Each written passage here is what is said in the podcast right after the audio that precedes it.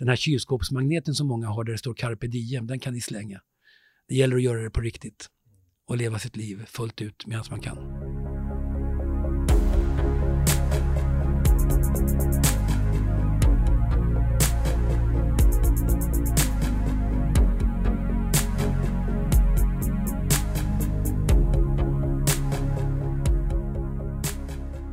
Ja, hej och varmt välkomna till Ordinary People Who Do Badass Things. Idag har jag fått en fantastisk gäst i studion. Han heter inget mindre än Thomas Ek och kanske är mest känd för er lyssnare som en av grundarna till OBH Nordica. Välkommen hit Thomas! Tack så mycket, det är hedrande för mig att få vara med. Verkligen, det var länge sedan vi sågs. Och för de som inte har träffat Thomas innan så är ju såklart OBH Nordica det du är mest känd för. Kan du inte bara ta oss eh, kortfattat ifrån att ni startade OBH Nordica eh, till att ni sålde det? För det är en fantastisk resa ni har gjort. Ja, då, då håller jag mig till två timmars versionen, det är den du vill ha förstår. Absolut. Ja, nej men det var ju så här att eh, min bror och jag hamnade i den här branschen av hushållsprodukter och hårvårdsprodukter tack vare att vår mamma jobbade som demonstratris ute på varuhusen redan på 60 och 70-talet. Och eh, hon visade då den tidens nyheter eh, inom hushålls och hårvårdselektriska produkter. Eh, mamma ordnade helgjobb åt oss på en stormarknad vid Bromma flygplats som hette BOV. Eh, där stod jag själv varje lördag söndag i sex år och sålde brödrostar, hårtorkar och stekpannor. Eh, och det är väl möjligen det som gör mig lite unik, att jag har sålt brödrostar i 40 år och kommit undan med det.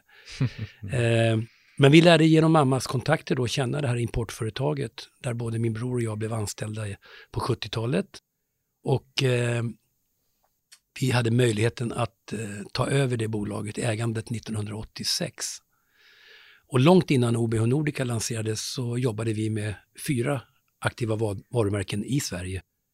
Det var agenturerna Tefal och Roventa och det var också Carmen och Nordica som var våra egna varumärken.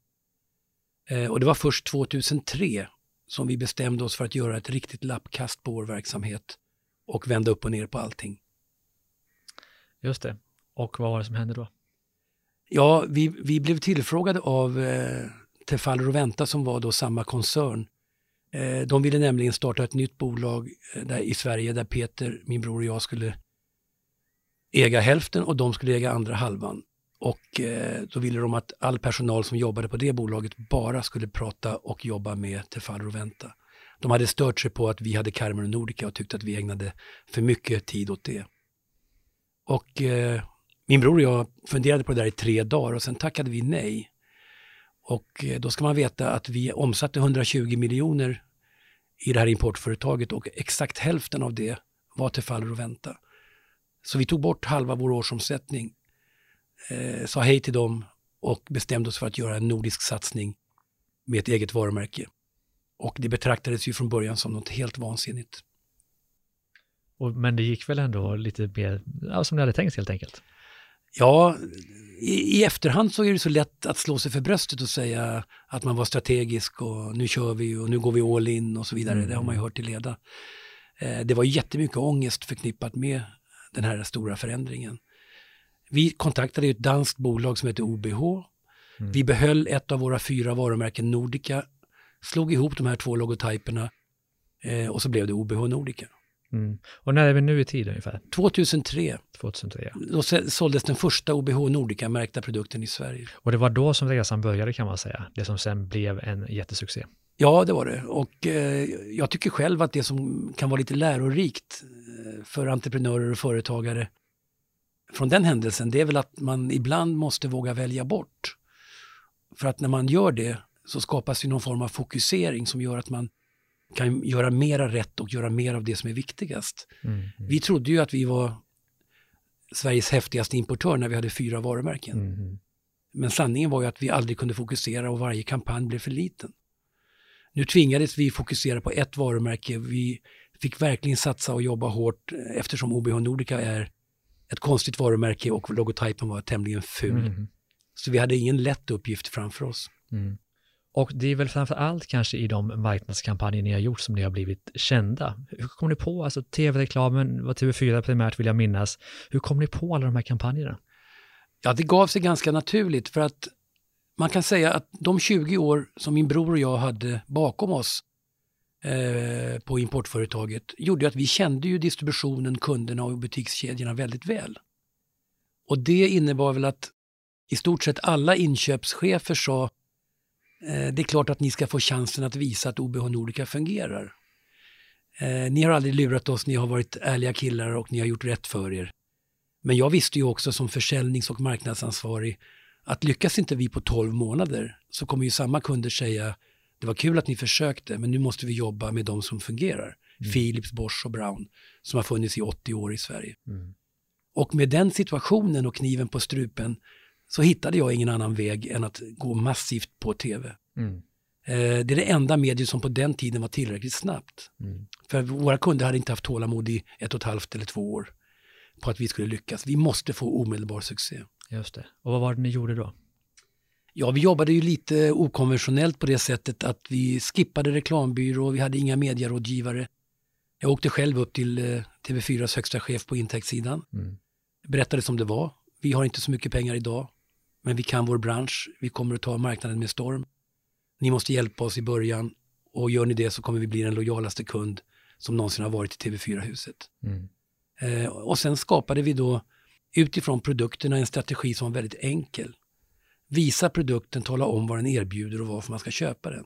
Mm. Vi krånglade inte till någonting och vi hade heller inte tid och råd att jobba med imageskapande reklam som ska betala sig om fem år, för då hade vi varit borta. Så det blev väldigt mycket hands-on. Det blev väldigt mycket produkten som var hjälten i alla filmer. Vi gjorde väl 60 olika filmer under de här sju åren. Mm.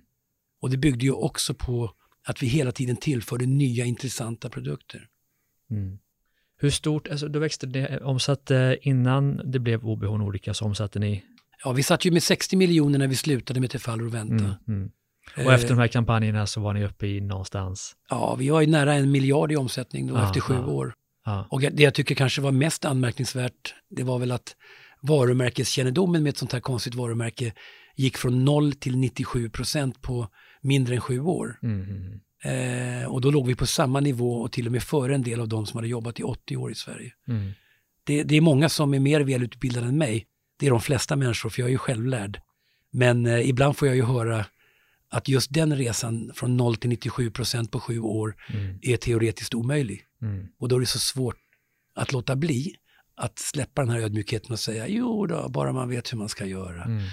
Frågan är om ni visste det innan ni, ni drog igång det, eller om det, det var, om det var timing, tur eller någon form av hårt jobb som, som gjorde det. Jag tror att det, det du tar mm. upp, det var en kombination av mm. allt detta och det är ju lite grann så här att ibland så är tajmingen rätt och man kommer med någonting i rätt mm. tid och jag tror att det vår bransch saknade, det var liksom en aktiv leverantör som hade Sverige och Norden som utgångspunkt och inte hela världen. Mm. Våra konkurrenter Philips, Bosch och Brown jobbar i 180 länder. Mm. Vi visste ju deras fördelar och nackdelar. Mm. Vi hade ju själva jobbat med Tefaller och Venta som var internationella varumärken. Mm. Och när vi bestämde oss för att göra OB Nordica, ja då blev ju vår strategi att göra det de andra inte gjorde. Mm. Det vill säga, de lyssnade aldrig på svenska och nordiska konsumenter och deras behov. Och vi gjorde enbart det. Mm. Det finns en liten anekdot om det där som jag själv tycker är lite rolig och som beskriver det där på ett bra sätt. Och det var när min bror och jag var nere på ett produktmöte i Frankrike på Tefal-tiden. Och då visade deras produktchef en ny smörgåsgrill, som de mm. flesta vet vad det är. Varma mackor med fyllning. Och eh, allting stämde. Priset var bra, designen och färgsättningen. Peter och jag tittade på varandra och gjorde tummen upp, det här kommer bli jättebra. Eh, och sen när han var färdig så sprang vi fram och fingrade på produkterna som vi alltid gjorde. Och då upptäckte vi en utmaning. Och som gamla skolpoliser räcker man upp handen och så säger den här produktchefen, Sverige har en fråga. Ja, i vårt land när vi gör varma mackor så använder vi färdigskivat formbröd och de får inte plats. Och då säger den här produktchefen efter fyra sekunder I guess you have to change your bread. och jag tycker det där är lite grann kännetecknande för multinationella företag. Mm.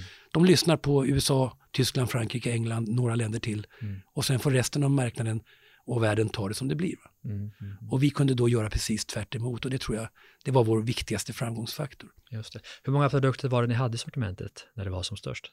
Ja, alltså i refer antal referenser med olika färger och storlekar på stekpannor och brödrostar. Mm. Eh, vi hade väl 480-490 produkt, olika artiklar. Mm. Och vilken var den största säljaren? Ja, det, det, det som förknippas väldigt mycket med OBH Nordica och det som i alla fall som serie blev mest uppmärksammat och sålde mest, det var ju Chili-serien, den här röda. Mm. Och eh, den utvecklade ju hela marknaden vill jag påstå. Mm. När vi själva höll på med vitt, svart och rostfritt och alla våra konkurrenter också, så hittade vi en jakttermos på en mässa i Tyskland i den här chiliröda färgen. Och mm. Min bror och jag började direkt prata om, undra hur det skulle gå om man färgsatte brödrostar och kaffebryggare och sånt som står på bänken i den här färgen. Mm. Och så testade vi. Vi gjorde ju aldrig några djuplodade analyser, vi gjorde aldrig några marknadsundersökningar. Mm. Vi beställde hem 24 av varje, provade på Åhléns City en helg om det sålde. Och fick vi de svar vi ville ha så körde vi bara. Var det det som var nyckeln, att ni, ni vågade testa allting? Ja, jag, jag, tror att det, vi var inte rädda för att misslyckas Nej. och där ligger ju också en stor del av framgången. Mm. Eh, vågar man inte försöka sälja en pizzagrill som tog upp halva köket och kostade 900 kronor för att vi gillade umgängesformen. Mm. Den, den, blev aldrig någon succé, men hade vi inte vågat prova den, då hade vi inte kunnat sälja 700 000 popcornmaskiner. Mm. Så att det här hänger ju ihop. Att våga misslyckas eh, och lära sig av det som inte fungerade är det säkraste sättet att hitta rätt menar jag. Mm, mm. Och sen, hur länge drev ni OBH Nordica innan ni valde att sälja det? Ja, vi, det var ju sju år fram till 2010. Mm. Och eh, det var en fantastisk resa och att efter att ha hållit på först i 20 år och, och precis när man trodde att man kunde och visste allt så fick man uppleva en resa som man inte trodde var möjlig. Det var väldigt välgörande och det gav oss så mycket ny energi. Mm. Eh, men, men, vi drev ju upp det här bolaget då som sagt till 950 miljoner vill jag minnas att vi omsatte och eh, med en väldigt bra lönsamhet. Mm. Eh, och vi gjorde, fick ett avtryck, gjorde ett avtryck på marknaden med OBH Nordica Designing Good Life mm. som var vår payoff. Mm. Och då valde ni att sälja? Yes. Mm. Då, det är många som har frågat mig eh, varför sälja någonting som mm. går så bra? Och då eh, finns det ju många orsaker och skäl till det. Men vi kände väl lite grann att vi dels ville göra vår så kallade exit när vi fortfarande var i en ålder där vi kunde vara aktiva och operativa om vi ville, men också där vi kunde unna oss ett annat liv än att klättra i fabriker i Kina, Hongkong och Japan, eh, stå på mässor och driva eh, säljorganisationer och marknadsföring och produktutveckling. Eh, så vi ville väl skapa en valfrihet och givetvis också trygga vår ekonomi efter 31 år i mitt fall och 35 mm. år i min brors fall. Just det. Och vilka var det ni sålde till? Vi sålde till private equity-företag, mm. Triton Partners. Och det är enkelt att bara sälja ett företag? Eh, nej, det, det är enkelt eh, om man vet hur man ska göra och vi var mm. kloka nog att ta mycket duktiga rådgivare då till hjälp. Mm. Eh, vi hade inte klarat av att göra det själva, det kan jag säga. Mm. Men mycket jobb såklart ändå att få en sån affär i hamn, tänker jag. Ja, det tog ju 11-12 månader. Mm. Vi träffade ju många olika intressenter och vi, vi var ju ett väldigt hett varumärke på, på den tiden som var eftertraktade. Och det var många som hade möten med oss och som eh, ville vara med och buda på det här företaget. Mm. Och sen dagen efter att ni hade sålt bolaget så, så hände någonting som inte fick hända.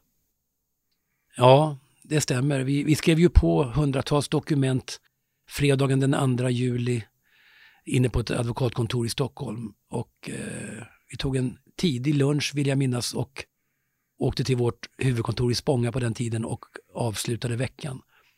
Och eh, redan på lördag morgon så ringer min bror Peter till mig och jag står med skorna på mig i hallen och eh, när jag svarar så säger han att eh, det här kommer du aldrig tro på. Och min spontana reaktion var då om vår kompanjon i Danmark hade ångrat sig för han hade varit mindre intresserad av att sälja från början. Och då svarar min bror att nej, det är mycket värre än så. Jag har åkt på cancer. Och eh, han hade varit eh, trött och hängig i ett par, tre veckor. Han hade ringt mig från sitt landställe för han valde att pendla därifrån sommartid. Eh, det var fem och en halv mil varje väg. Och eh, han ringde mig i mitten av juni och sa att jag är så trött, jag vet inte vad det är med mig, men jag orkar inte ta mig till kontoret idag. Och jag hade sagt att ta det lugnt, var hemma, det är juni, jag fixar det här.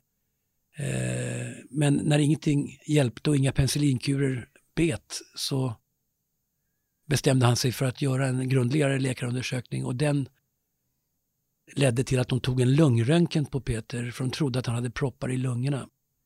För har man propp proppar i lungorna så blir syresättningen dålig och då blir man trött och matt och då hjälper inget penicillin. Och det fick han svar på den här lördagmorgonen. Eh, och det var inga problem med lungorna men de såg metastaser i levern. Och det var det Peter ringde och berättade för mig där på lördag morgon. Fyra dagar senare fick vi alla veta att han hade modertumör i bukspottkörteln. Och det är ju en av de värsta cancerformerna. I tillägg hade Peter gått med det här i över ett år utan att ha några symptom. Så händelseförloppet blev dramatiskt. Han gick bort på åtta veckor och ja, vi förstod ingenting vad som hände egentligen. Det var, vår personal åkte på semester och när de kom hem så låg han i stort sett döende. Det var absurt. Och jag värderar ju inte olika cancerformer och ställer dem mot varandra. För jag tycker att vem som än drabbas och alla känner vi någon som har åkt på det här eländiga sjukdomen. Eh, men jag tycker tajmingen i Peters fall, den var brutal och den var orättvis. Eh, han fick aldrig vara med och njuta någonting av de frukter eh, och av det allt det slit och arbete som vi hade hållit på med i så många år. I hans fall 35 år. Och det har ju påverkat mig oerhört mycket, den här händelsen och det har gjort också att jag värderar mitt eget liv och det jag har kvar på ett helt annat sätt än tidigare. Jag har, jag har en, en, far som blev 94 år och gick bort för tre år sedan. Eh, och Peter blev bara 59 och gick bort då 2010. Jag brukar tänka på mina möjliga 30 år. Och så brukar jag ibland dela upp de där möjliga 30 åren i tre tioårsperioder och sen tänker jag då, eh, Thomas, gör rätt sak i rätt tid. Mm. Konkret betyder det där, om jag ska cykla i Provence med vänner så måste det ske de första tio åren. Eh, mata duvorna och lösa sudoku kan jag möjligen vänta med till mm. den tredje perioden. Mm. Eh, jag lever inte slaviskt efter det här men jag tänker på det ibland och eh, just det här att man, eh, jag brukar ibland säga att den här kylskåpsmagneten som många har där det står carpe diem, den kan ni slänga. Det gäller att göra det på riktigt mm. och leva sitt liv fullt ut medan man kan. Mm.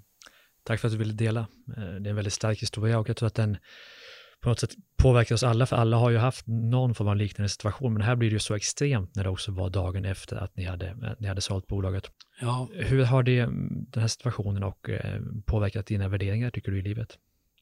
Nej, men det var just det jag sa, att jag har mm. blivit mera, jag värdesätter min tid och eh, mitt liv på ett annat sätt. Skjuter inte allting framför mig längre. Mm. Och eh, jag tillhör ju också den skaran av människor som inte har någon tro på livet efter detta eller några religiösa eh, intressen. Och, och eh, jag tror ju på något sätt att det är summan av de saker man har hunnit göra som är värdet av ens liv. Mm. Eh, och det gäller ju så, så givetvis både privat och eh, affärsmässigt och arbetsmässigt. Eh, men jag, jag, vill kunna känna mig nöjd med de val jag har gjort och känna att jag levde ett liv som jag ville leva. Mm. Och det var så fint när vi satt där innan och snackade lite och du, du var så mån om att, att prata om Peter i alla intervjuer och berätta att det är ni som har gjort det och inte bara du. Och eh, jag blir så nyfiken på det, vad den här podden handlar om också. Varför du tror att just ni lyckades skapa detta tillsammans? Ja, det, det är ju som sagt en, en komplex fråga. Eh, för det finns ju säkert jättemycket eh, olika svar på den. Men jag, jag tror ju att vi hade en stor fördel av att vi var bröder. Jag tror att vi sparade oerhört mycket tid för att vi hade inga utdragna, långa processer kring några beslut. Det mesta gjorde vi i korridoren eller när någon sprang in till den andras kontorsrum och eh, efter två minuter sa vi, ja men det låter bra, vi kör. Eh, och jag vet ju att många av våra konkurrenter hade ganska sega processer och moderbolag som låg i Tyskland eller Holland och eh, väldigt sällan kunde ta de här snabba besluten. Och mm. det är någonting jag tror gäller för alla företag och alla som har en, yr en yrkesroll på ett företag. Det handlar om att vara snabb med gas och broms. Och det, det, betyder ju att när någonting känns rätt måste man våga satsa och göra det snabbt. Och när någonting inte fungerar och går bra så får man inte vara rädd för att dra i nödbromsen och göra annat. Det finns ju många stora företag som lägger treårsplaner och så känner de efter sex månader att det här funkar inte.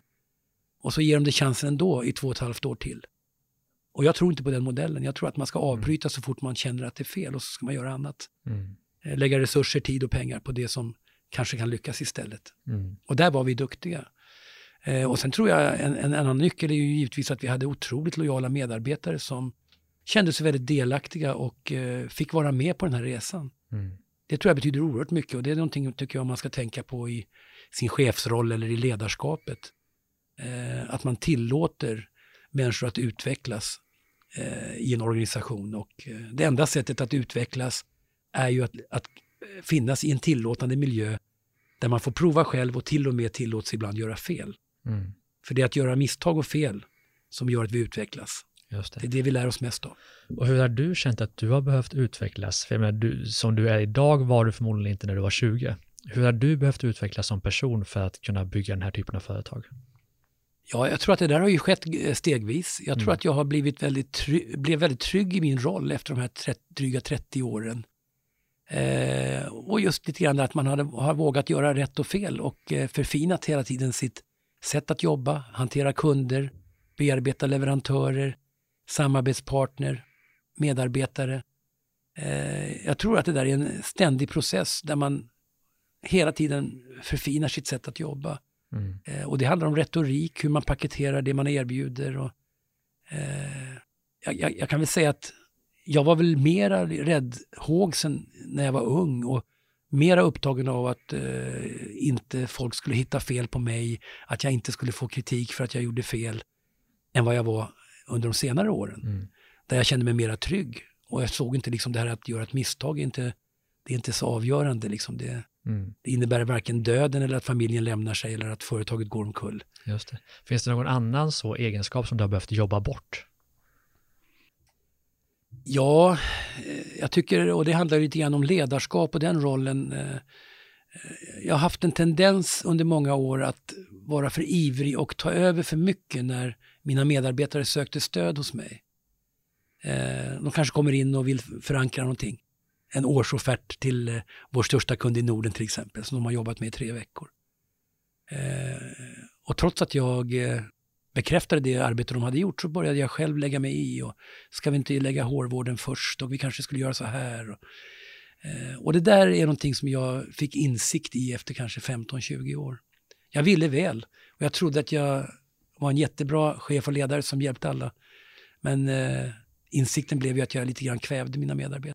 Mm. Och min bror var väl lite grann likadan. Mm. Eh, det är ingen mening att tänka själv de där bröderna vet ju alltid bäst. Mm. Men jag vill påstå att de senare tio åren då, när vi gjorde OBH Nordica-resan, så hade vi fått insikt och blivit medvetna om det här. Min bror var ju en fantastisk människa och entreprenör eh, och omtyckt i alla läger. Men eh, han saknade en talang och det var att han sällan eller aldrig gav no någon, någon beröm. Mm. Och det var inte för att han eh, inte tyckte människor gjorde bra saker. Det var bara att han, hade, han brydde sig inte om det riktigt. Mm. Och det gjorde att en del av vår personal gick omkring och trodde att han var missnöjd med dem. Mm. Och det bästa han sa till vår personal på ett eh, fredagsmöte som vi hade varje morgon på fredagar, det var eh, inför ett 30-tal medarbetare sa han, som ni alla vet är jag värdelös på att ge beröm. Och när han hade varit öppen med den här defekten mm. så blev det inget drama längre. Eh, man såg fysiskt hur en del av medarbetarna släppte ner axlarna mm. och insåg det är inte oss det är fel på, det är han som har ett tillkortakommande. Och jag, jag tycker de där insikten och att man vågar erkänna att man har brister är oerhört viktigt i ledarskapsrollen. Eh, och jag, jag, jag, gjorde samma sak med, med just det här att jag tog över för mycket och la mig i för mycket. Mm. Jag samlade fyra medarbetare, mellanchefer som rapporterade till mig. Jag satte dem på en stol framför mitt skrivbord och sa jag vill prata med er om en defekt jag har. Då började de direkt att mumla, du har många mer än en. Eh, förstås. Men jag sa, ja det är möjligt, men nu handlar det om det här att när ni kommer in och söker stöd så tar jag över för mycket. Och från den här dagen är det slut med det. Ni behöver inte komma in till mig. Det är vuxna människor. Mm. De har körkort, de förhandlar på systemet och var fjärde år röstar de. Det är klart att de kan ta egna beslut. Mm. Mm. Väljer ni att komma in så får ni ibland stå ut med att jag faller in i mitt gamla reptilbeteende. Mm. Eh, det var jätteskönt för dem och mig. De kom inte in lika ofta. Men mm. när de gjorde det och när jag började ibland lägga mig i för mycket, då hade jag avdramatiserat det här så att de satt och smålog åt mig. Han är för rolig, nu börjar han med sitt lallande igen. eh, och jag tycker det här är två bra exempel på hur man kan ta bort väldigt mycket låsningar och eh, onödiga problemsituationer i ett företag och i en organisation genom att våga visa vem man är på riktigt. Mm. Att vara en autentisk ledare menar jag, det är att, att både visa vad man är bra på och vad man har för tillkortakommanden. Mm. Min erfarenhet är att man får ett bättre stöd av sina medarbetare på det sättet. Just det. Och jag tänker att det är många som lyssnar på den här podden som driver bolag idag såklart och vill, man är, man är nyfiken på Behåll Nordica. Hur gjorde ni? Hur blev det? Hur gjorde ni för att omsätta en miljard? Men det kan ju också vara lite skrämmande på något sätt. Så när ni startade ert bolag, hade ni miljardbolagstanken då eller var det bara att ni körde igång utan plan? Ja, det var det sistnämnda. Ja, Jag, jag kan säga... det kom steg för steg. Ja, jag kan erkänna att jag tror, i vårt fall, det kan ju vara olika för olika människor och olika företag, men i vårt fall så tror jag just det här korta perspektivet som vi hade, där vi hela tiden bara ville göra succé med nästa produkt och nästa lansering, det gjorde att vi också ofta gjorde rätt beslut i tiden. Mm. Vi följde ingen femårsplan. Eh, Det var de sista fem åren som vi egentligen formulerade eh, en treårsplan vill jag minnas. Mm. Eh, Men innan dess så körde vi 27-28 år bara genom att jobba hårt, lyckas med nästa lansering, sälja mer än vad vi själva trodde och våra kunder trodde, överträffa förväntningar. Mm. Och jag tror att just det där passade oss väldigt bra, för vi var så extremt snabba och eh, vi drog oss liksom inte för att testa nytt och lära oss av det och prova och hela tiden utvecklas på det sättet. Det, jag tycker det var det mest eh, avgörande och sen, eh, sen tror jag liksom att i allt företagande, oavsett vilken bransch man pratar om, det handlar om att eftersträva unikitet. Mm. Eh, Och jag brukar ofta säga att konkurrentanalyser är jätteviktiga, men det, det som era konkurrenter gör bra och rätt, det vet ni redan. Mm. Det kan ni nästan hoppa över. Titta på luckorna, hitta det de inte gör och försök att göra det till er egen Mm. framgång. Mm. Ehm, och i vårt fall var det ju just det här att vi var de enda som jobbade med utgångspunkt från Sverige och Norden. Just det. Och de andra gjorde aldrig det. Mm. Och jag vet ju att du är väldigt mån om att prata om er som ett team. Men om vi Ja, bara ska titta på dig Thomas, vilken ska vi kalla det, superkraft är det som har gjort din framgång? ja det är det är jättesvårt att prata om sig själv. Mm. Det är ju tur att det här är en podd så man inte ser att jag blir generad då. Men eh, jag tänker väl att jag har varit eh, väldigt pigg på att, att eh, träffa människor och utvärdera nya möjligheter. Eh, jag har masserat in möten fast jag, kalendern har varit full. För jag har levt lite grann efter tanken att man vet aldrig när man träffar den personen som kommer betyda mycket för utvecklingen. Mm. Eh, av hundra uppfinnare som ringde till oss när vi blev publika så visste man att det var en eller två av produkterna som gick att göra någonting av. Men du visste aldrig vilken. Mm. Och då tog man de här mötena. Eh, och sen tror jag givetvis att, att det handlar om att kunna nå människor, eh, att ha en social kompetens, att eh, inte ta sig själv så allvarligt är ju en nyckel till det. Mm. Eh, och jag tror liksom att i situationer där man träffar möjliga samarbetspartner så gäller det att ha en avslappnad attityd, att inte ha för mycket förväntningar och inte hålla på att sälja idéer på andra. Mm. Utan jag tror att man uppnår mest när man har en ganska avspänd attityd och säger det är kul att träffa er nu. Det är möjligt att vi aldrig kommer göra någonting tillsammans, men åtminstone kommer vi veta mer om varann Mm. efter den här timmen. Mm. Då slappnar folk av och då blir det faktiskt större chans att det verkligen leder till någonting. Verkligen. Vi har ju jobbat lite ihop och jag upplever dig som en oerhört social person och en person som är, är lätt att tycka om. Och det är ju en fantastisk egenskap naturligtvis. Är det någonting du har jobbat på medvetet? Eh, nej, det tror jag. Ja, ja och nej. Det är väl kanske inte så att man... Alltså jag har ju ett stort bekräftelsebehov Mm. Eh, och det måste man ju erkänna eh, och det har ju gått med mig hela livet. Eh, det handlar om allt ifrån att ha alla rätt på provräkningar som det hette på min tid i lågstadiet Mm. till att idag få applåder när man föreläser. Alltså det, jag har sökt mig till situationer och plattformar där jag kunnat bli bekräftad och få uppskattning. Eh, och jag är inte så rädd för att erkänna det. Jag tror att det är en, en av många viktiga drivkrafter. Eh, för mig har det varit jätteviktigt. Och eh, sen är det klart att jag inte, jag försöker ju att undvika att tappa bort mig själv. Jag vill ju vara den jag är. Jag vill visa vem jag är på riktigt och jag vill aldrig gå omkring och spela en roll. Och sen spelar det ingen roll om jag har varit försäljningschef eller har varit koncernchef för Norden som jag har varit en kortare tid. Eh, Jag försöker vara mig själv i alla lägen och eh, varken göra mig märkvärdig eller annorlunda än den person jag verkligen är. Och jag tror att att vara autentisk och genuin, det, det, det är det som håller i längden. Mm. Men om vi, om vi ska sammanfatta det då, vilka insikter har du gjort som du tycker är mest avgörande för den framgång ni hade med OBH Nordica? Ja, det, det handlar ju om, eh, och det är ju lite grann präglat också av min brors öde. Eh, jag tycker ju att vi människor generellt, vi är värda bättre än att gå sju, åtta år eh, till en arbetsplats eller ett kontor eller en miljö där vi inte mår bra. Mm. Och eh, jag tror att passion, lust och den energi som det ger, det är det allra viktigaste i all verksamhet. Och det spelar egentligen ingen roll om du är egenföretagare eller om du är anställd. Ofta är det ju samma jobb som ska göras.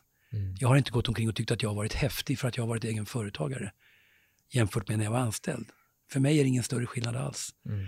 Men jag tror liksom att söka sig till passionen och, och då finns det egentligen eh, det finns två saker och två råd man kan ge. Det ena är ju om du inte upplever den här lusten och får den här energin, ja då måste du fråga dig själv, kan jag ändra på min attityd så att jag upplever passion och tycker att det är roligt?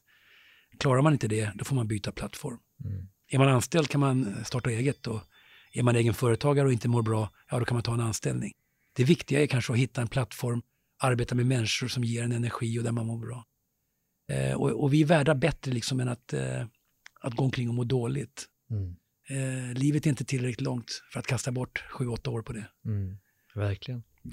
Finns det något annat du kan känna att, att du gör annorlunda än alla andra människor i din omgivning? Eh, ja, jag får ibland höra utifrån att jag har en, eh, en viss talang för att hitta eh, samarbetsformer med andra aktörer. Och det har ju varit någonting som har... Jag har lagt ner mycket tid på det. Eh, allt ifrån att skapa en hårvårdsserie med Björn Axén som är kanske en av de få frisörer man känner till i det här landet, eh, till att göra reklamfilmer tillsammans med Classic Kaffe, våra kaffebryggare och kampanjer med Fatser bröd och våra brödrostar och allt mellan himmel och jord. Eh, och jag har varit ganska duktig på att se möjligheter.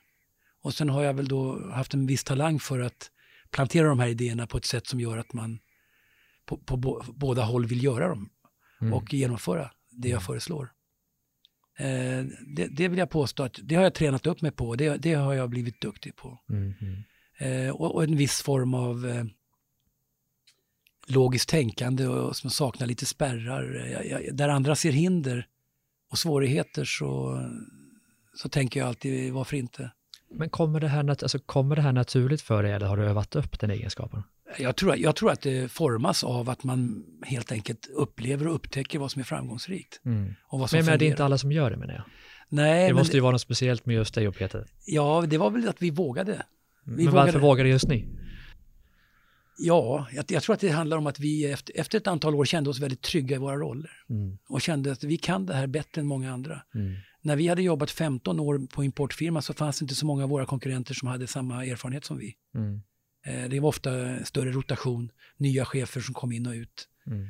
Eh, vi var liksom riktigt förankrade. Vi hade bägge stått på golvet och sålt produkter till konsument.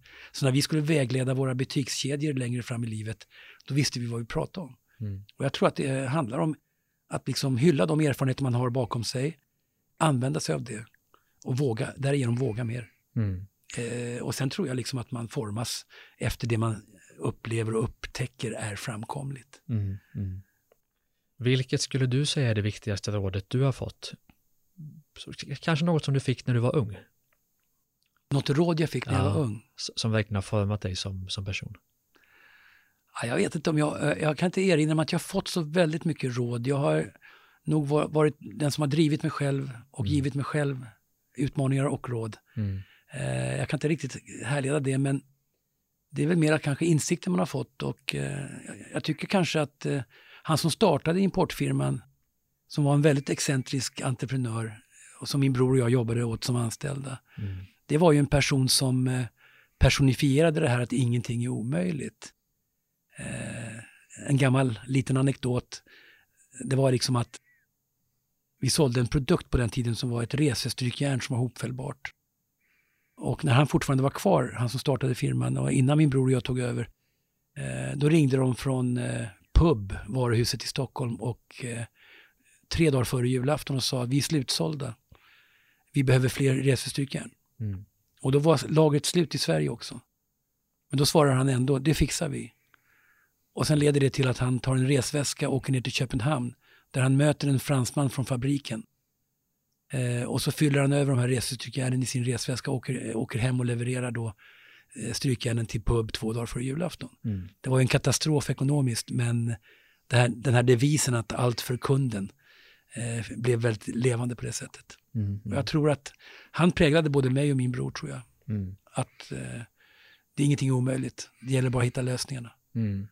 Men låt oss snacka lite om framtiden också, för vi hade en diskussion du och jag innan om att, att marknadsföringen har ju förändrats enormt sedan ni hade OBH Nordica. Ja, verkligen. Hur ser du på, på framtidens marknadsföring? Ja, man kan ju konstatera att eh, den kartan har ju skrivits om rejält. Och det vi gjorde med hjälp av tv-reklam, det var fantastiskt och fungerade otroligt bra under de här sju åren. Idag eh, så har ju vi konsumenter lärt oss att undvika marknadsföring på tv. Mm. Eh, många tidningsupplagor går ner så att annonsering inte är lika effektivt heller som förut. Eh, när det gäller tv-tittande generellt så har vi lärt oss att titta på Netflix och on demand när vi själva vill. SVT Play, TV4 Play. Mm. Vi har lärt oss hur man går ur reklamen och sen går in igen för att slippa ta del av den och så vidare. Och när jag fortfarande var operativ fram till 2012, då pratade vi ju väldigt mycket om hur viktigt det var att bli synliga på nätet. Mm. Eh, I tillägg till det vi gjorde på tv. Eh, och nu vet jag att det är väl 650-700 miljoner konsumenter runt om i världen som har laddat ner adblocker för att slippa reklam på nätet. Eller också har man browsers med inbyggda spärrfunktioner. Det här gör ju att även det sättet att marknadsföra blir svårare och svårare. Mm. Och därför är min tro inför framtiden att eh, det mindset som kommer att gälla, tror jag, framöver, det är liksom kan man formulera i, i eh, en kort mening och det är sluta jaga kunder, skapa fans. Mm. Jag tror att varumärken och företag framöver måste göra samhällsnytta, arbeta med CSR-frågor, göra bra saker för oss konsumenter. Då kommer vi välja dem. Eh, tycker själv att ett bra exempel på det är till exempel Adidas och det de har gjort med den här Parley Line, skor som är mm. tillverkade av plaster från världshaven. De kontaktar Parley Ocean som har tagit på sig den lilla uppgiften att rensa världshaven från plast och vill köpa upp det. Och då frågar de givetvis, vad, vad ska ni göra med det? Vi ska göra skor av dem. Mm. Och jag vet att eh, under 2017 redan sålde de en miljon par skor gjorda av plast från världshaven. Det motsvarar 11 miljoner stora petflaskor och det, mm. det gör ju ett avtryck. Mm. Eh, då sitter jag och berättar om det här och du kanske berättar det för någon kompis imorgon mm. och eh, på det sättet sprider vi information om ett varumärke som då kanske blir valt och omtyckt. Ja, häftigt. Men därför på det, jag funderar ju mycket på framtiden, det gör du säkert också på, det är miljön och det är AI och ja. det är blockchain och allt vad det kan vara. Hur tror du att, hur ser världen ut om 5, 10, 15 år? Ja, det, det, är svårt. Det är svårt, det är ingen som vet. Det Nej. enda vi vet säkert är att utvecklingen nu accelererar. Mm. Och det vi tyckte var snabb utveckling för 20 år sedan är ingenting mot vad som kommer att ske mm. de kommande 20 åren. Eh, men jag kan inte riktigt sådär förutsäga hur det kommer att bli. Mer än att jag tror att, och det vet ju alla redan, att vi konsumenter kommunicerar med varandra eh, på olika sätt. Mm. Just nu är det mycket på sociala medier. Ja, och det är Facebook och Twitter och, och LinkedIn och allt möjligt. Och, och, det kommer ju eh, bli ännu mer så fast i nya former. Mm. Och det, det, är just därför jag inte tror liksom på traditionell marknadsföring. Vi kommer inte liksom köpa den, den, typen av marknadsföring längre. Mm. Utan vi kommer att välja utifrån andra kriterier. Vill jag åka på semester till Kroatien så kommer jag kontakta någon, någon vän som har varit där. Mm. Och fråga vilket eh, hotell bodde ni på, var ni nöjda och vilken var den bästa restaurangen? Mm. Eh, snarare det liksom än att, att uh, ta till mig informationen på traditionell reklam och media. Mm. Så om du skulle få ge ett budskap till alla människorna i världen, vad, vad hade du gett för budskap då? Oj, vilken fråga. Verkligen. Ja, jag, jag, jag, jag kommer tillbaks väldigt mycket till, det jag redan har pratat om, men just att eh, på riktigt liksom fånga dagen och inte bara liksom eh, säga det. Mm. Att, att unna sig själv ett rikt liv så långt det är möjligt. Eh, och det handlar ju givetvis inte om materiella saker och om pengar, utan det handlar ju, det handlar ju om andra värden. Och kärlek och ta hand om sina familjer, sina barn och eh, se ljust på deras utveckling och få vara med på det. Mm. Jag har ju själv fått två barnbarn under förra året. Just det, just det. Och det har ju präglat mig och min fru. Vi har ju fått liksom en spännande ny dimension som alla Mm. som får barnbarn går igenom. Mm. Och jag kan ju då berätta att man, man blir exakt lika fånig och larvig som de man har fördömt Ja. tidigare. Man håller på att visa bilder på sina barnbarn som ingen är intresserad av och man berättar historier som ingen vill lyssna på. Eh, så det kommer ni alla få uppleva tids nog. Mm. Mm. Spännande. Det, det är ju väl något år tänker jag till för mig. Kanske det. Du eh, Thomas, jag är nyfiken också på, på dina levnadsvanor, kanske framför allt under tiden när du byggde bolag. Hur, hur levde du då? Hade du morgonrutiner, gick du upp tidigt, eh, jobbade du enligt någon viss princip? Eller körde du bara på? Jag, jag kan nog säga att jag, jag körde på väldigt hårt och eh, hela mitt liv har ju, hela mitt vuxna liv har ju präglats av enormt mycket arbete och högt tempo. Och jag började faktiskt redan som tonåring då och jobbade varenda helg och varenda lov. Och så där växte jag upp i Vällingby, jag och min bror, i ganska enkla förhållanden. I en lägenhet nere i Grimsta. Eh, och, och, och det jag har reflekterat över var bland annat att före jag började gymnasiet så hade jag, kände jag ingen som bodde i radhus eller villa. Mm. Eh, det är lite intressant bara. Det var ingenting som man tänkte på då och det är ingenting som har hämmat mig heller. Men Mm. Det är ändå lite speciellt tror jag.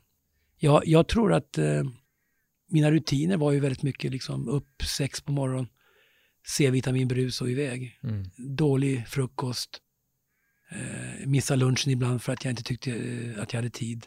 Så jag har inte varit något föredöme egentligen för att driva ett långsiktigt företag i 31 år Mm. som jag har levt på det sättet. Eh, Men samtidigt så, så har man väl försökt att liksom använda då den lediga tiden och eh, göra bra saker med familjen. Jag har inte kunnat vara så närvarande som jag kanske hade önskat. Eh, Jag kommer ihåg när min äldsta son var åtta år så frågade han mig på fullt allvar om jag skulle vara hemma på julafton och det var ju Mm. någonting som tog hårt. Mm. Eh, Då känner man ju någonstans att man har gjort något fel. Va? Mm. Mm. Eh, Min första fråga var, har mamma bett dig säga så? Men det var det ju inte tyvärr. Det var han själv som tyckte att jag var hemma för lite. Mm.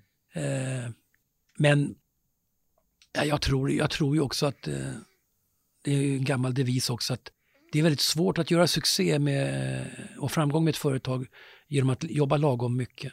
Mm. Det går säkert beroende på vilken bransch man är i.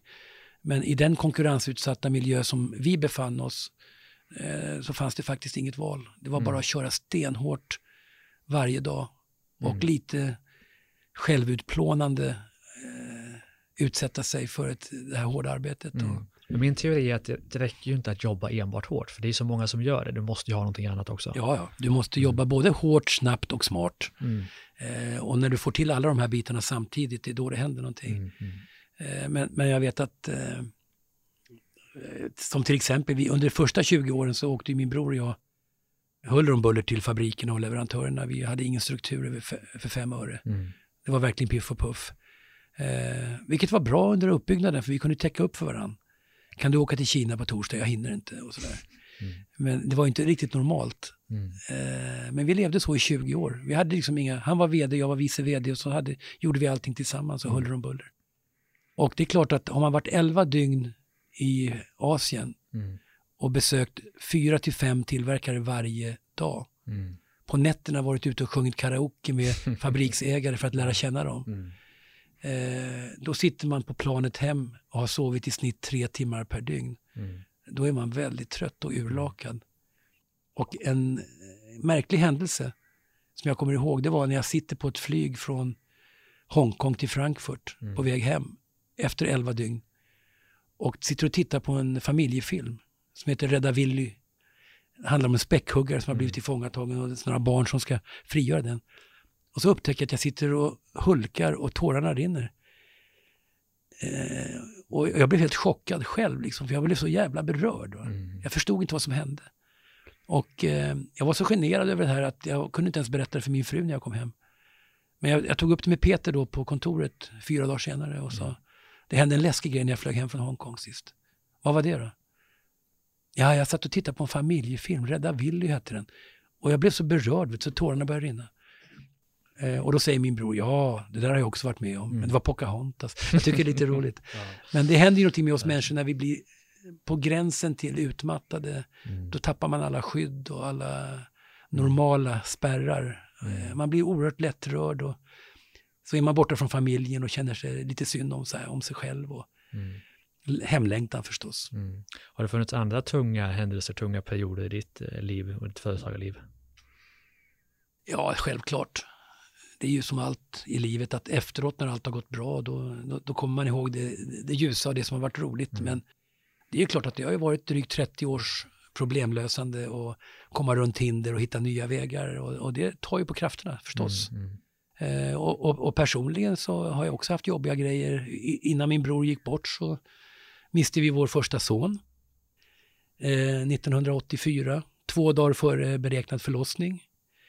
Jag var eh, 29 år och eh, det är klart att man präglas av sånt också. Kunde det eh. ta dig tid då att, att bearbeta det tillsammans med, med din fru? Och, eller körde du bara på? Jag körde väl ganska mycket på och eh, mot bättre vetande kanske. Och eh, ja, det gick bra för oss och, och, bästa medicinen var väl att min fru blev gravid redan mm. ett knappt år senare. Då, så, mm. Och så fick vi två kanonfina killar som nu är vuxna och och hör och häpna, jobbar med marknadsföring mm. bägge två. Ja, jag vet inte hur det kunde bli så. Nej, Men vad skulle du säga till den Thomas som startade företaget för en herrans massa år sedan? Om du fick säga någonting. Ja, jag vet inte, jag skulle inte vilja ändra på så mycket för att jag, jag tycker också att det har givit så mycket, både av upplevelser och kontaktnät och eh, resande, eh, framgång, motgångar, eh, jag, jag, skulle inte vilja ändra på någonting, men jag skulle kanske, jag kanske skulle ge mig själv rådet att lite bättre kunna koppla bort företag och arbete när jag kom hem och var privat. Jag tycker själv att min bror var bättre på den punkten mm. än vad jag själv var. Mm. Han, han, han, kunde leva i ännu större kaos än mig, eh, men han kunde också gå hem och koppla bort det på mm. lördag, söndag och jag hade svårare med det. Jag, jag, jag hade med mig utmaningar och ogjorda saker och, och problemställningar i huvudet hela tiden. Just det. Om vi tittar framåt igen, vad skulle ditt tio år äldre jag säga till ditt nuvarande jag? Oj, då är man ju så gammal som man knappt kan prata. Men eh, om tio år, ja, jag skulle väl säga till mig själv att vad bra Thomas att du eh, unnade dig själv att eh, från eh, 57 års ålder ändå unna dig ett annorlunda liv där du fick utrymme för dig själv, din fru och din familj. Mm. Eh, så har jag haft de sista sex åren. Uppskattar Lotta att du är hemma med? Absolut. Mm. Det var väldigt många i vår omgivning som, eh, när jag eh, klev av operativt, då sa man att Thomas kommer klättra på väggarna mm. och till Lotta sa de att du kommer bli tokig ha honom hemma. Mm. Nu är jag inte hemma jämt, jag åker ju runt och föreläser en del mm. som du vet mm. och jag sitter i några styrelser och jobbar lite med utbildningar. Så att jag har att göra. Men det som är intressant och som jag är väldigt nöjd med det är att jag har lärt mig att eh, tycka om de lugna veckorna eh, på samma sätt som jag uppskattar de hektiska. Mm, mm. Jag behöver vara ute och röra på mig och jag behöver känna bekräftelse igen då och att man liksom fortfarande duger och sådär. Eh, och jag mår bra av det. Eh, och jag tycker det är fantastiskt roligt. Mm. Men jag behöver också de här vilopauserna och mm. eh, kunna koppla av och och det är ju fantastiskt att åka runt och föreläsa för att till skillnad från mitt gamla liv så behöver jag aldrig åka till någon kontor och ta hand om problemen. Mm. Jag kan i bästa fall inspirera andra, få dem att ta med sig någonting av det jag gjorde rätt och fel i 31 år. Mm. Men du, vad har alla framgångsrika människor du känner, vad har de gemensamt? Eh, det, det, vet inte jag. Nej. Men, Men de eh, du känner, de du umgås med, de du träffar? De jag träffar, de jag känner. Ja, jag tror att om det är någonting som jag tycker kännetecknar företag och, och människor som har tagit sig framåt, det är ju det jag var inne på förut, det är passionen. Man måste glöda för det man håller på med. Mm. Och man måste, tycker jag, därför också när man startar ett företag eh, kritiskt fråga sig själv, är det här någonting jag kan hålla på med i 30 år eller 25 år? Mm. Eh, är det här någonting jag brinner så mycket för att jag kan dedikera en stor del av mitt liv till det här? Mm. Och känner man sig trygg och bekväm med det och svaret är ja, mm. Eh, då finns det ju förutsättningar. Men att göra någonting sådär och känna halvhjärtat för det, det kommer aldrig bli bra. Mm. Eh, så det är väl, tycker jag, någonting som kännetecknar de människorna. De har hamnat rätt eh, i en miljö, i en uppgift där de mår bra och de har tillåtit sig själva att utvecklas. Mm. Vem tänker du på när jag säger ordet framgångsrik? Oj. Förutom dig själv. ja, jag tänker inte på mig själv på det sättet. Ja, framgångsrik. Det är ju lite så här, det är förebilder både som människor och som eh, affärsdrivande personer. Men ja, jag vet inte, jag, jag, jag, jag beundrar ju liksom en del företagsledare. Jag tycker till exempel eh, Janne Karlsson som hade SAS och Linjeflyg en gång i tiden var eh, ett strålande exempel på en karismatisk ledare som var fantastisk på att få både människor och kunder med sig. Och Mm.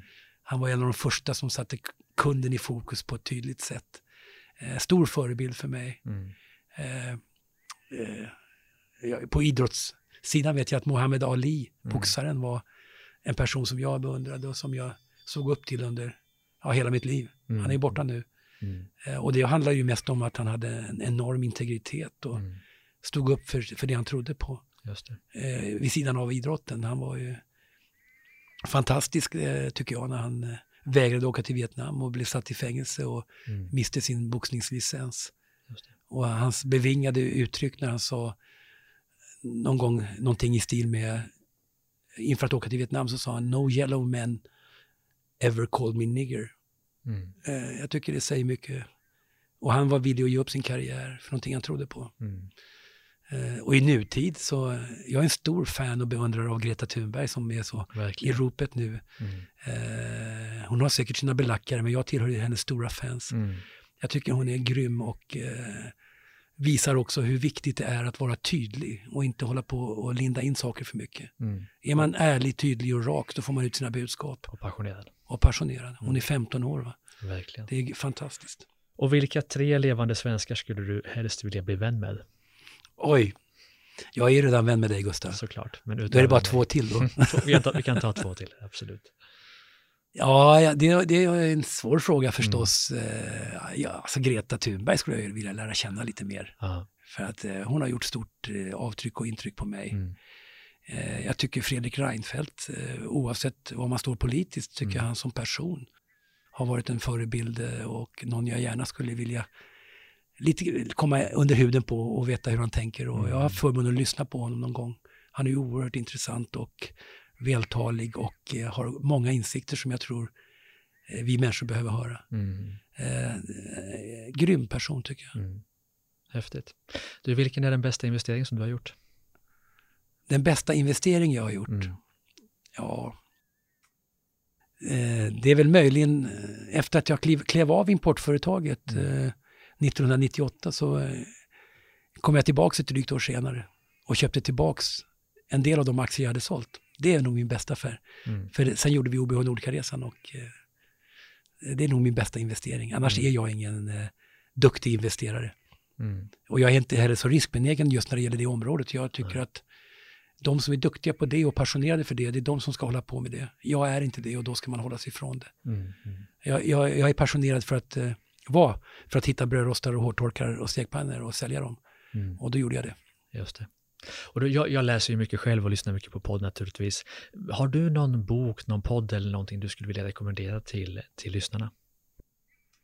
Det är en ledande fråga när Det gäller bok. fråga naturligtvis. Men, men ta chansen. ja, jag, jag får ju inte säga då, det är ju reklam i Jo, podden. Men jag har ju säga, själv släppt en bok den 22 januari, alltså Mm. helt nyligen. Mm. eh, som egentligen eh, sammanfattar eh, mitt liv. Och det blir ju väldigt mycket företagande också då eftersom det var en stor del av mitt liv. Men den är väldigt privat och personlig också.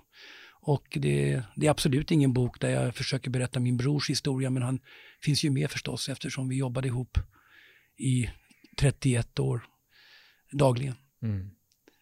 Och den Eh, heter ju den heter Designing Good Lives, såklart. en slogan och ett liv. Mm. Och den finns där böcker köps, tänker jag mig. I en Men- bokaffär nära dig. Precis, precis. Ja. Du Thomas, eh, det är långt kvar dit naturligtvis, men vad skulle du vilja att det stod på din gravsten? Oj.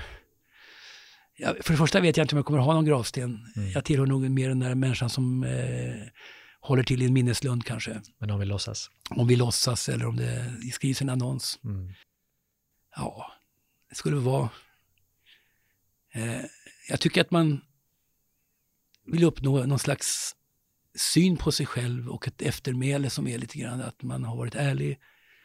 Eh, att man har varit en genuin människa som inte har lurat andra. eh, som har framförallt velat alla väl. Mm. Och eh, försökt hjälpa till. Eh, jag, är lite, jag är ju lite den där typen som, eh, jag har inte sagt nej sen jag var skolpolis var det någon som sa. Mm. Men jag tycker att livet blir mer innehållsrikt och roligt om man säger ja hellre än nej. Mm. Sen måste man ju av praktiska skäl ibland göra det. Men jag tycker att grundinställningen ska vara att eh, kan man hjälpa till, kan man ta ett möte, kan man lyssna på någon, sparra någon, coacha någon och därigenom kanske hjälpa någon så är ju det någonting som ger riktig mening åt livet. Mm. Framgång i form av materiella ting och eh, pengar och omsättning och resultat. Det, det, det är klart att det är viktigt för att ha en eh, grundtrygghet men det är inte det som är avgörande för hur man vill bli ihågkommen. Mm. Utan det handlar om personliga saker. Mm. Hur man har varit som människa. Mm. Vem tycker du att jag borde intervjua i Ordinary People Who Do Badass Things? Ja, då känner jag mig lite jävig här men jag har ju en, eh, en, en god vän och kollega som heter Magnus Helgesson. Mm. Som var med och startade Harrys restauranger. Han tycker jag är spännande just för att han, liksom jag själv, har börjat eh, utifrån en enkel utgångspunkt och, fått till det. Mm. Eh, det är en, han har en spännande resa. Mm. Han tror jag skulle vara intressant att intervjua. Mm. Och det finns många, många fler Verkligen. förstås. Kul. Men du, vi börjar närma oss poddens slut. Är det något du vill avsluta med att säga till alla de tusentals företagare som lyssnar på oss just nu? Oj, en liten sammanfattning. Ja, alltså jag, jag tycker då, jag, jag gillar ju att upprepa saker för att vara tydlig och, och, och jag vill uppmana alla att liksom eftersträva unikitet, sök passionen, lita på er själva, var inte rädda för att få ett nej. Det är aldrig personligt, mer än när man friar någon gång i livet. Mm. Eh, Men i alla andra tillfällen så är det inget personligt. Det betyder bara att det var en kund eller samarbetspartner som inte var mogen. Låt inte det göra så att ni står tillbaks. Eh, och kanske också att eh, göra de här surdegarna, de här jobbiga grejerna. Medarbetarsamtalet som inte är så roligt för att det har gått dåligt för någon i din organisation. Eller den här sura kunden som du ska ringa till och gärna skjuter på till efter helgen. Gör de där sakerna så fort du bara kan och få dem bakom dig. Så kan du fokusera på det som är mer lustfyllt och energigivande efteråt. Mm. Eh, men i övrigt så är det ju bara lev livet och eh, skjut inte upp allting till sen. Eh, återigen tillbaks till min brors öde så han är ett levande bevis på att man inte kan skjuta det framför sig. Mm. Eh, så lev livet här och nu. Eh, gör och förverkliga de saker du brinner för. Och eh, låt inte rädsla eller oro hindra dig eh, från att komma framåt och vidare. Mm. Thomas Ek, tack så oerhört mycket för att du ville komma till podden. Du är en fantastisk människa och jag är oerhört glad att ha dig, i alla fall i periferin i mitt liv. Så stort tack. Jag är så glad att jag fick vara med. Härligt. Tack så mycket. Tack och hej. Jag hoppas att du gillade avsnittet lika mycket som jag gjorde. Du följer våra tre poddar, Starta eget-podden, Business Hacks och Ordinary People Who Do Badass Things, där du följer andra poddar, till exempel på iTunes, Podcaster eller drivaeget.se. Och ingen avslutning utan underbar musik från Soundry.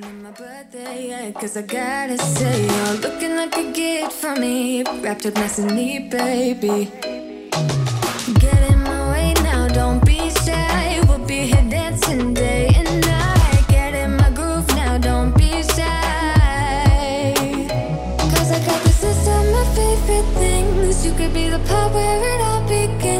You could be the first and the second and the third, and the rest of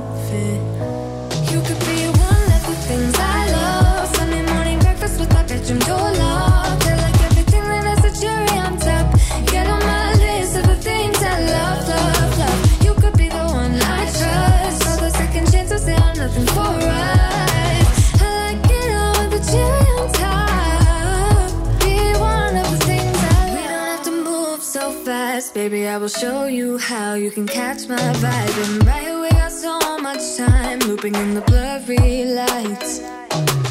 Get in my way now, don't be shy. We'll be here dancing day and night. Get in my groove now, don't be shy. Cause I got this list of my favorite things. You could be the part where it all begins. You could be the first and the second and the third and the rest of